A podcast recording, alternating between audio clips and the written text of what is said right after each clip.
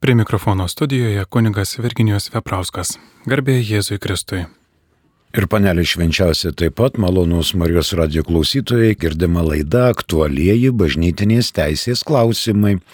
O mes tęsime pažintį su skireliu gerybių administravimas. Praeitoje laidoje prie 1281 kanono padarėm šiokią tokią įžangą, dabar prie to kanono yra pirmoji mintis. Viskas ekonomo darbe daroma pagal statutų reikalavimus. Mums į pagalbą ateina 94 kanono pirmasis paragrafas. Kas yra statutai? Statutai bendraja prasme yra nuostatai, kurie pagal teisės normą yra skirti arba asmenų, arba daiktų susivienijimams ir kuriais apibrėžiamas jų tikslas, struktūra, valdymas bei veikimo būdai. Tai yra žinoma nuostatai. Čia statutai šiuo atveju, ekonomo atveju, ne sinodo, o konkretaus juridinio asmens. Dar, žinoma, raštiškas įgaliojimas veikti. Tas, kas skiria ekonomą, skiria raštą ir veikimo ribas, galę. Kokiais atvejais ką galima daryti bažnyčios vardu. Dar į pagalbą gali ateiti 124 kanonas Pirmasis paragrafas. Juridinio akto galiojimui reikalaujama, kad jis būtų atliktas tinkamo asmens ir kad jame būtų visa tai, kas iš esmės sudaro patį aktą. Taip pat formalumai ir reikalavimai teisės nustatyti, kad aktas galiotų. Gali ateiti ir antrasis į pagalbą paragrafas. Juridinis aktas tinkamai atliktas pagal jo išorinius elementus, prezumuojamas galiojančiu. Juridinis aktas galioja. Dar mus domina ko gero 37 kanonas administracinis aktas skirtas išoriniai sričiai turi būti raštiškas. Jei administracinis aktas išleistas pavedimo forma, jo įvykdymo aktas taip pat turi būti raštiškas. Čia gali būti mums įdomus žodžis, kas yra išoriniai sričiai bažnyčia administruoja sakramentus, tai išpažinties klausimai arba sąžinės dalykai, tai yra vidinė sritis. O administraciniai aktai yra išorinė sritis. Išorinė sritis. Dabar toliau. Ordinaras gauna sutikimą po ekonominių reikalų tarybos ir konsultorių tarybos sutikimo. Gauna sutikimą ordinaras veikti, kai yra reikalaujama ekonominių reikalų tarybos ir konsultorių tarybos sutikimo. Vieno iš šių kolegialinių valdymo organų trūkumas, atsiklausimo trūkumas daro administracinį aktą negaliojančiu. Vėl šimtas jau 27 kanonas. 127 kanonas. Pirmasis paragrafas. Kai teisės yra nustatyta, jog aktams, kuriuos reikia atlikti, vyresnysis privalo gauti kolegijos arba asmenų grupės sutikimą ar patarimą, kolegija ar grupė privalo būti sušaukta pagal 166 kanono normą. Nebent, kai reikia gauti tik patarimą, partikuliarinė arba savoji teisė nustato kitaip. Tačiau, kad aktas galiotų, reikia absoliučios dalyvaujančių daugumos sutikimo arba kad būtų išklausyti visų patarimai. Tai va tokie reikalavimai. Tokie reikalavimai. Antra mintis prie 1281 kanono. Statutuose privalo būti apibrėžtos ekonomo veiklos ribos minimumas ir maksimumas. Na, galima vėl žvilgterėti į 117 kanoną. 117 kanoną. Jokia asmenų ar daiktų visuma siekianti įgyti juridinio asmens statusą negali jo gauti, jei jo statutai nėra patvirtinti kompetentingos valdžios. Tai nebūna taip, kad susidūrė, susirinko grupė žmonių, mes esame juridinis asmuo ir toliau gyvenam ir džiaugiamės. Pirmiausia, turi būti kompetentingos valdžios patvirtintas statutas po kurio skėčiu veikia juridinis asmuo. Pirmučiausiai statutai. Taigi išklausęs ekonominių reikalų tarybos vyskupas išleidžia bendrąjį dekretą. 29 kanonas. bendrieji dekretai, kuriais kompetentingas įstatymų leidėjas išleidžia bendrasias nuostatas, įstatymus, gebančiai priimti bendruomeniai, tikrai yra įstatymai ir jie tvarkomi pagal kanonų dėl įstatymų nuostatas. Bendruomenė gebanti priimti. Galbūt yra bendruomenė, kuri negeba priimti šitų dalykų. Tai buvo 29 kanonas. Jeigu juridinis asmuo neturi savo statuto, tada pagal 29 kanoną vyskupas išleidžia bendrąjį dekretą. Bet čia parašyta aiškiai, kad tą daro vietos vyskupas, o ne šiaip ordinaras. Auxiliaras, koadjutorius, vyskupo vikaras ir taip toliau.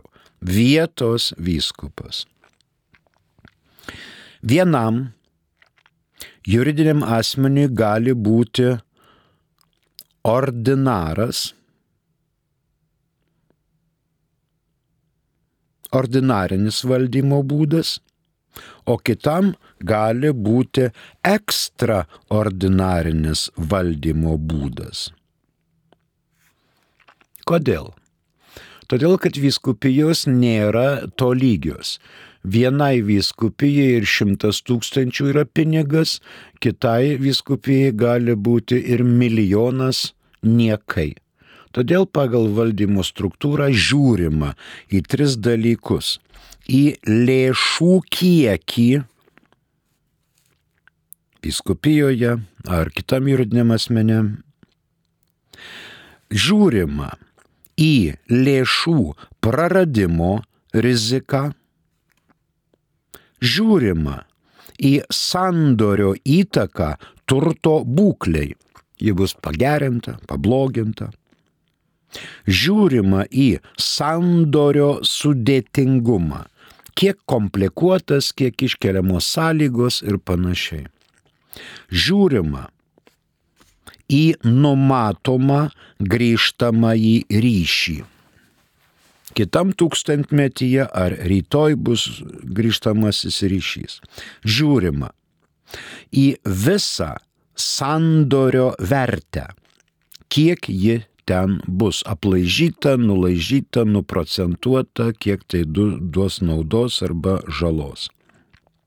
Žiūrima į sandorio trukmę, kiek pats sandoris truks.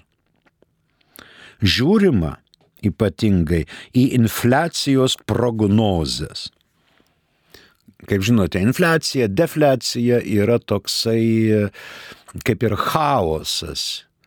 Yra neprognozuojamas, bet valdomas. Infliacija yra žinoma valdoma, bet jau čia aukštas pilotažas.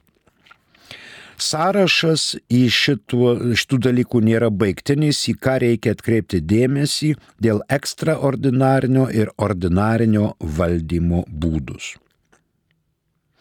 Pasaulietinių institutų turto klausimus nustato savoji teisė.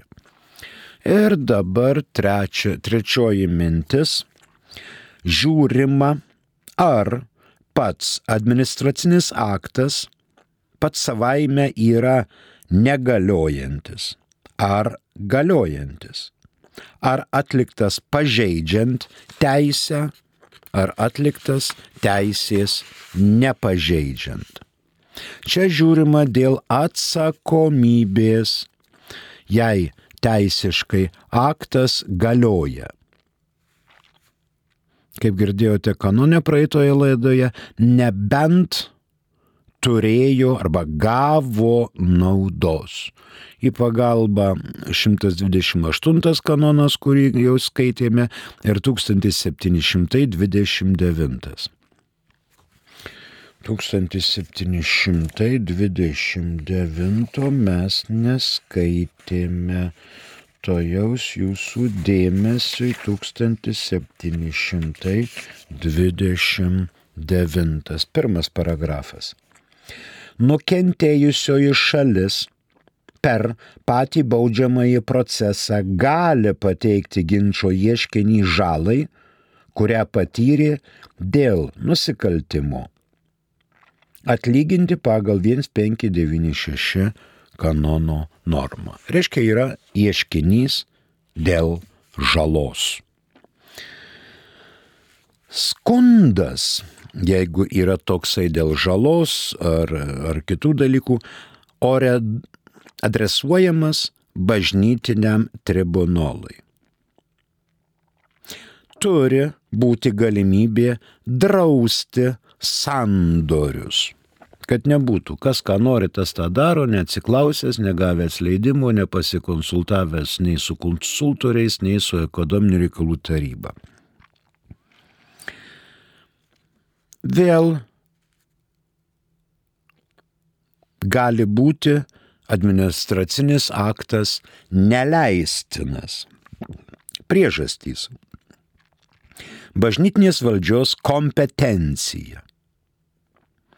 Viskupas negali išleisti administracinio akto liečiančio, pavyzdžiui, popiežiaus. Tu ten neskrisk, tu to nedaryk ir panašiai. Tai kompetencija dabar gali būti neleistinas administracinis aktas dėl formos neišlaikymo. Neišlaikoma forma. Nėra datos, nėra parašo, nėra adresato, nei kam, nei kas, nei jūsų koks nurodymas. Reiškia negaliojantis. Ir administracinio akto turi būti įrašyti tikslai, ir motyvai. Dėl ko tas administracinis aktas yra rašomas ir kokie motyvai, kokie lūkesčiai, dėl ko. Kiekvienas administracinis aktas gali būti pažintas atskirai, individualiai. Gali administracinis aktas kartotis ne vieną kartą. Žinoma, nėra tai limituojama. Pavyzdžiui, ekonomų skirimas 3 metai. Bet gali dar vienu 3 metus, dar 3 metus, dar 3 metus vyskupas skirti. Tai nėra limitas. Ir tai nėra sanacija. Rašomas administracinis aktas iš naujo.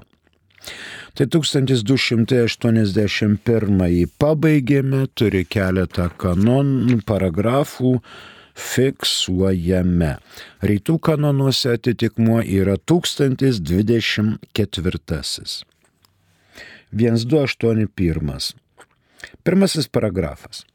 Liekant galioti statutų nuostatoms, administratoriai negaliojamai atlieka veiksmus peržengiančius ordinarinio administravimo ribas ir būdą. Nebent prieš tai būtų gavę raštišką ordinaro leidimą. Antras. Statutuose turi būti nustatyta, kokie veiksmai peržengia ordinarinio administravimo ribas ir būdą. Jei šio klausimų statutuose nieko nepasakyta, diecezniam vyskupui priklauso, išklausius ekonominių reikalų tarybos, nustatyti tokius veiksmus jam pavaldiems asmenims. Trečias. Juridinis asmuo neįpareigojamas atsakyti už administratoriaus negaliojamai atliktus veiksmus, nebent tik tada ir tiek, kiek turėjo naudos. Tačiau juridinis asmuo pats atsakys už galiojamai, bet neteisėtai atliktus administratorių veiksmus, išlaikydamas savo teisę į ieškinį arba rekursą prieš administratorius, kurie jam padarė žalos. Kitas 1282 kanonas.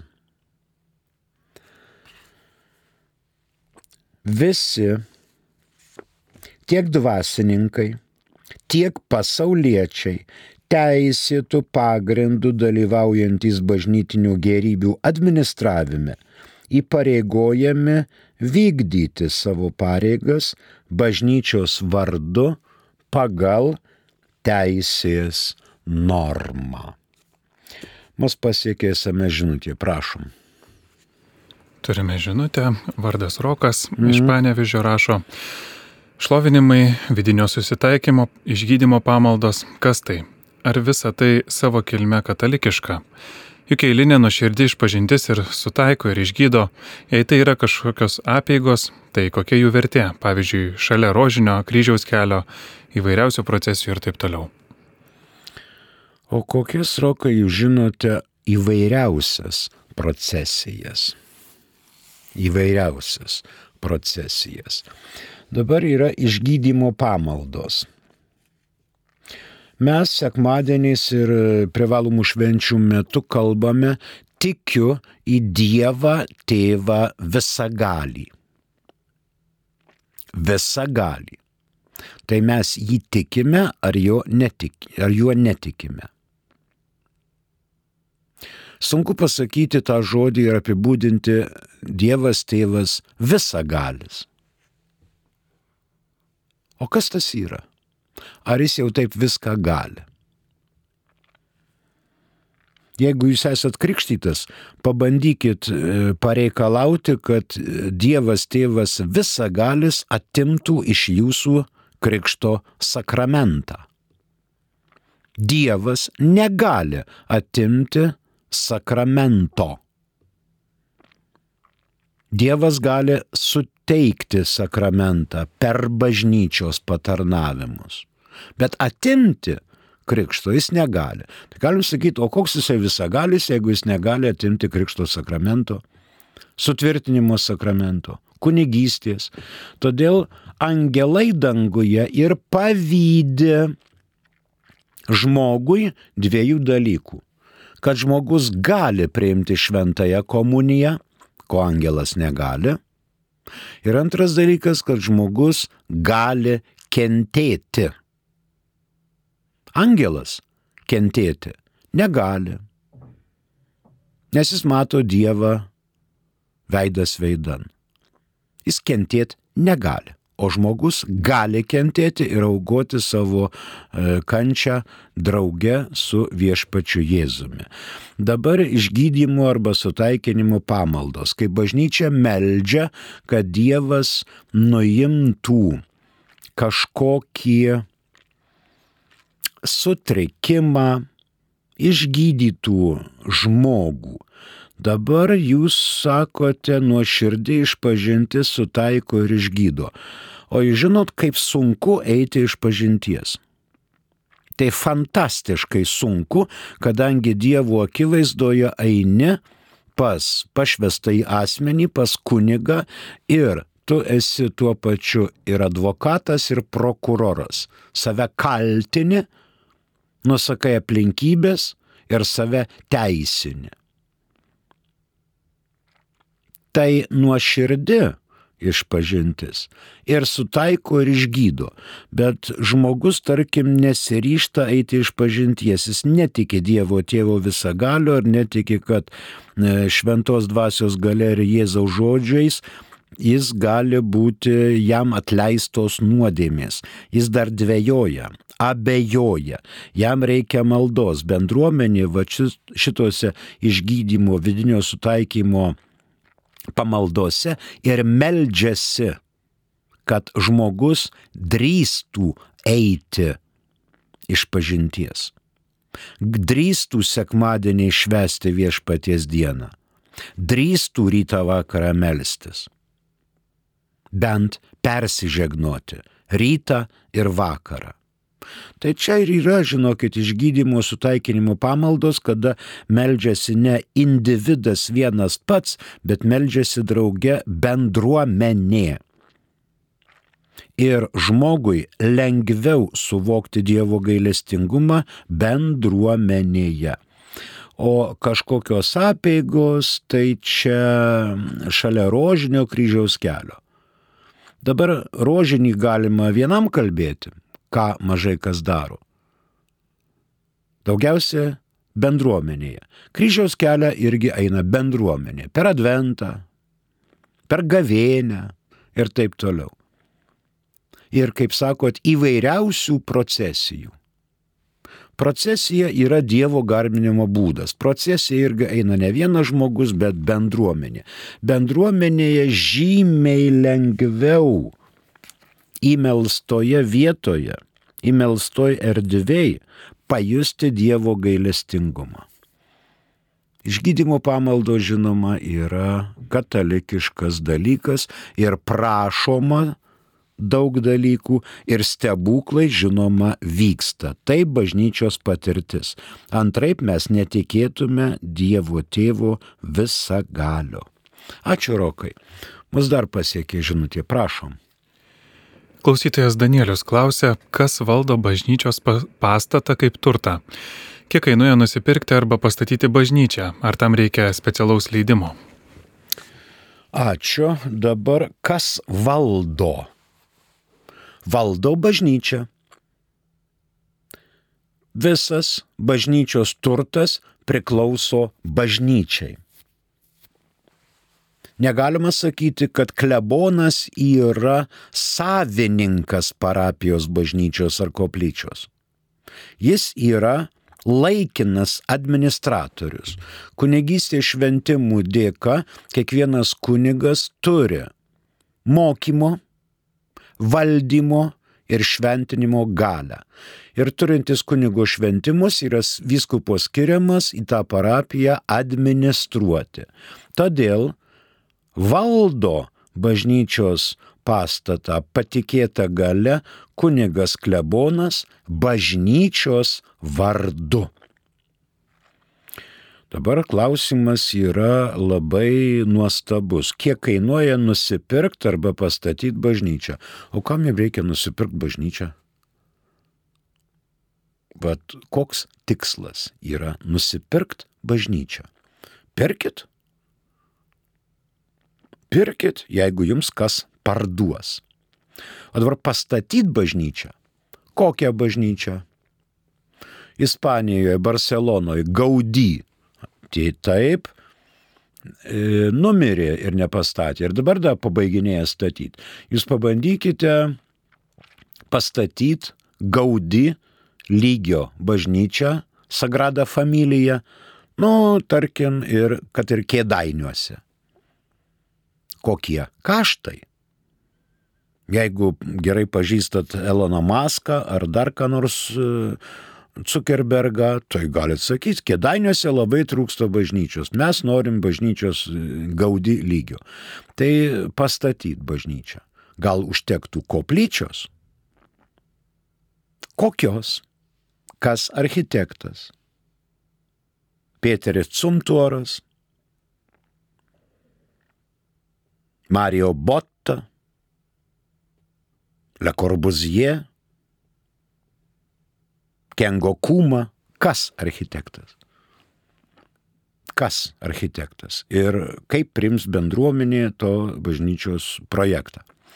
Dabar Ar reikia spets leidimo Danieliaus? Žinoma, kad be vyskupo raštiškų leidimo bažnyčia nestatoma, nepradedama statyti ir lėšos nerenkamos.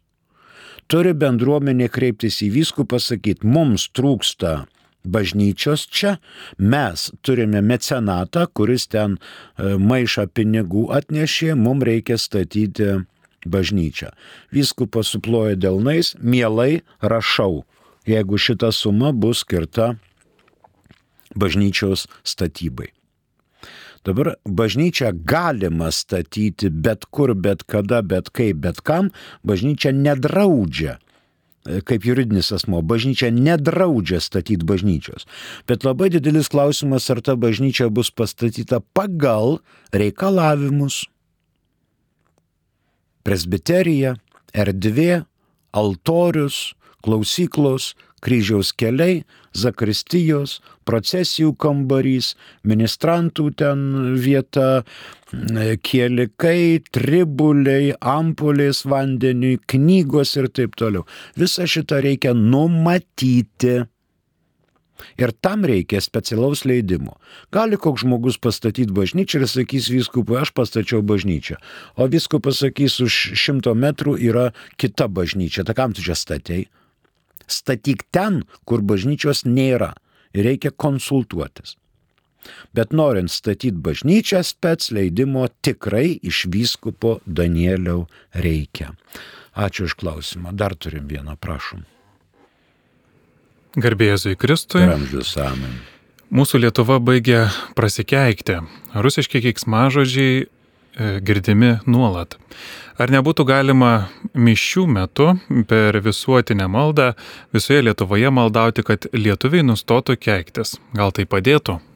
Gal. Gal. Jūs turbūt esate e, vendavęs jachtoje kai užeina kokie 8-9 balai ir kai reikia išstovėti jachtoje,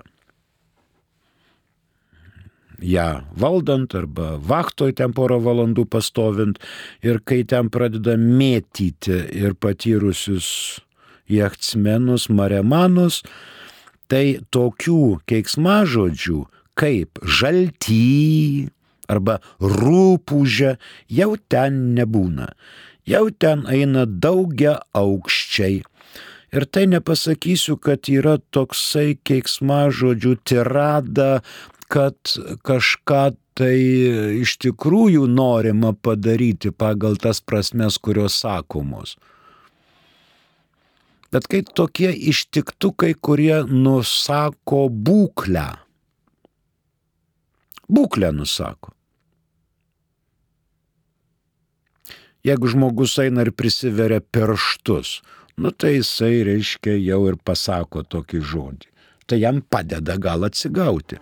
Aš nesureikšmičiau šitų žodžių, nes matot, Jodojoje jūroje ir flagmanas buvo, flagmanas, kurio vardas Maskva buvo pasiūstas visiems žinoma kryptim. Ir tai kaip ir nelabai jau keiksmažodis, jau čia kažkoks tai tik tai su, suaktyvinta frazė, kad suprastumėme, kur jis iš tikrųjų turėtų eiti, o pasirodo jis ten ir nuėjo. Dabar Lietuva baigia prisikelti. Iš ko? Prisikelti baigia Lietuva. Vieni nori ir keliasi, kiti nori ir nesikelia, kiti nenori ir keliasi. Tai dabar rusiški keiksmai. Rusų keiksmų iš vis yra mažai, rusai perėmė turbūt irgi iš, iš tų ten, iš anų kraštų ten, ir iš graikų, ir iš mongolų, tai kad rusų keiksmažodžių kaip po tokių nėra, bet tik tai jie perėmė, perėmė ir mes iš jų vėl perėms, nuolat girdime.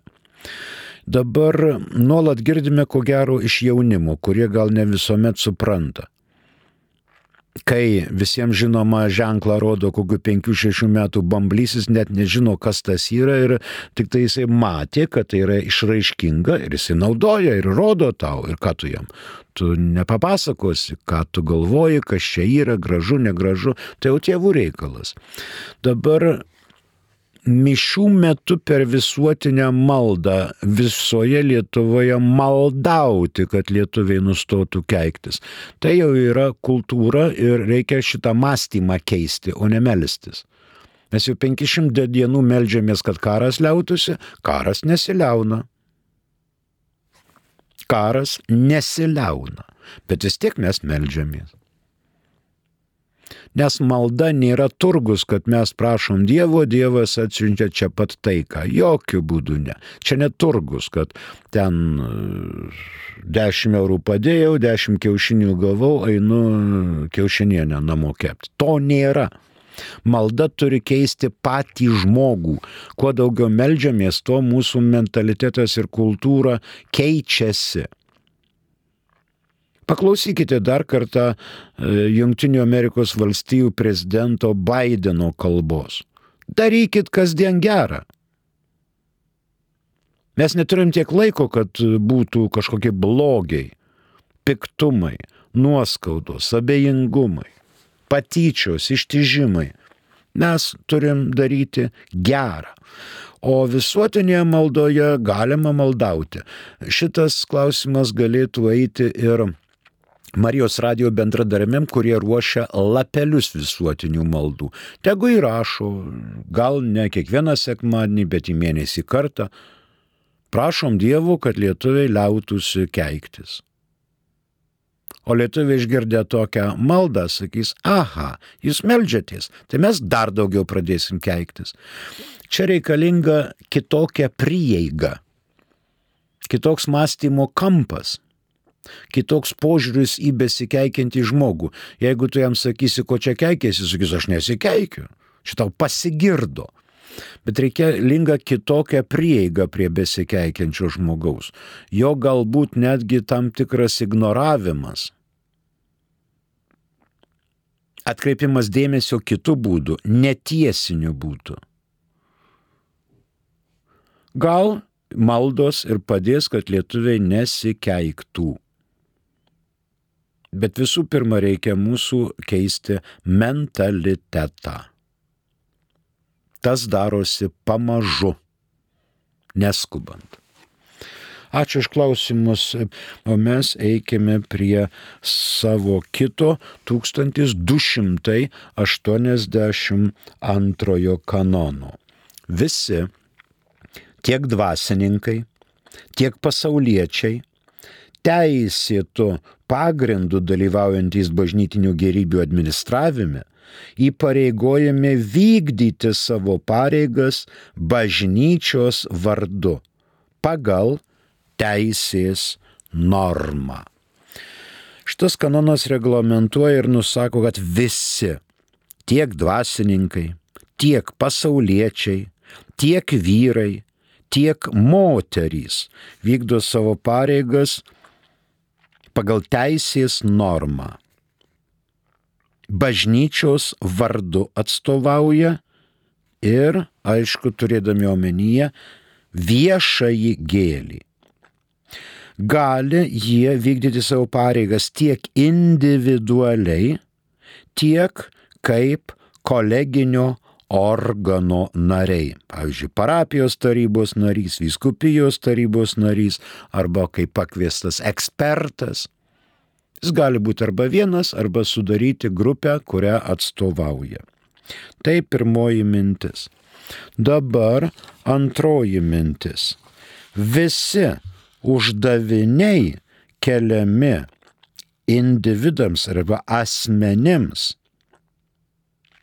vis vieni uždaviniai asmenims, kiti koleginių organų nariams. Vienas dalykas, jeigu esi ekonomas, kitas dalykas, jeigu esi kunigų tarybos narys. Ir visa tai vyksta pagal teisės normą. Ir trečioji mintis. Tiek dvasininkai, tiek pasauliečiai pareigas vykdo pagal teisės normą. Mums gali ateiti 116 kanonas. Štai jisai pirmas paragrafas.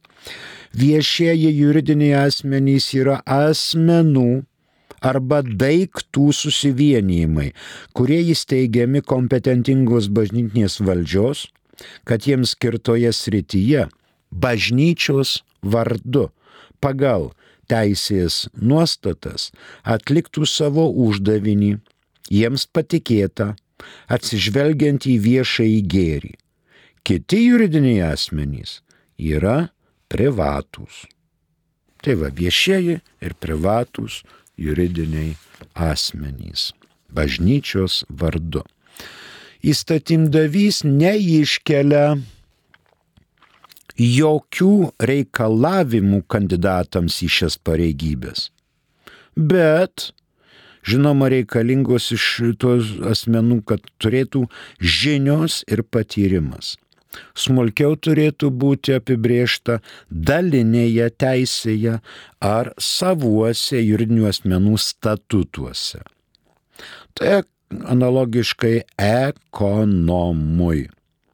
Jie žinoma turi būti pilnoje vienybėje su bažnyčia, būti ekonominių reikalų ekspertai, gerai žinoti civilinę teisę, pasižymėti teisingumu, negali netgi turėti ekonomas, pavyzdžiui, giminystės ryšio su vietos vyskupu iki ketvirto laipsnio imtinai. Ne tik giminystės, bet ir svainystės ryšio. Mūsų laikas išseko, kitoje laidoje dar pabaigsim keletą kanonų cituoti dėl šios minties. Prie mikrofono dirbo kunigas Virginijus Veprauskas, ačiū už malonumą pabendrauti su jumis ir atsakinėti į klausimus. Ačiū ir sudie.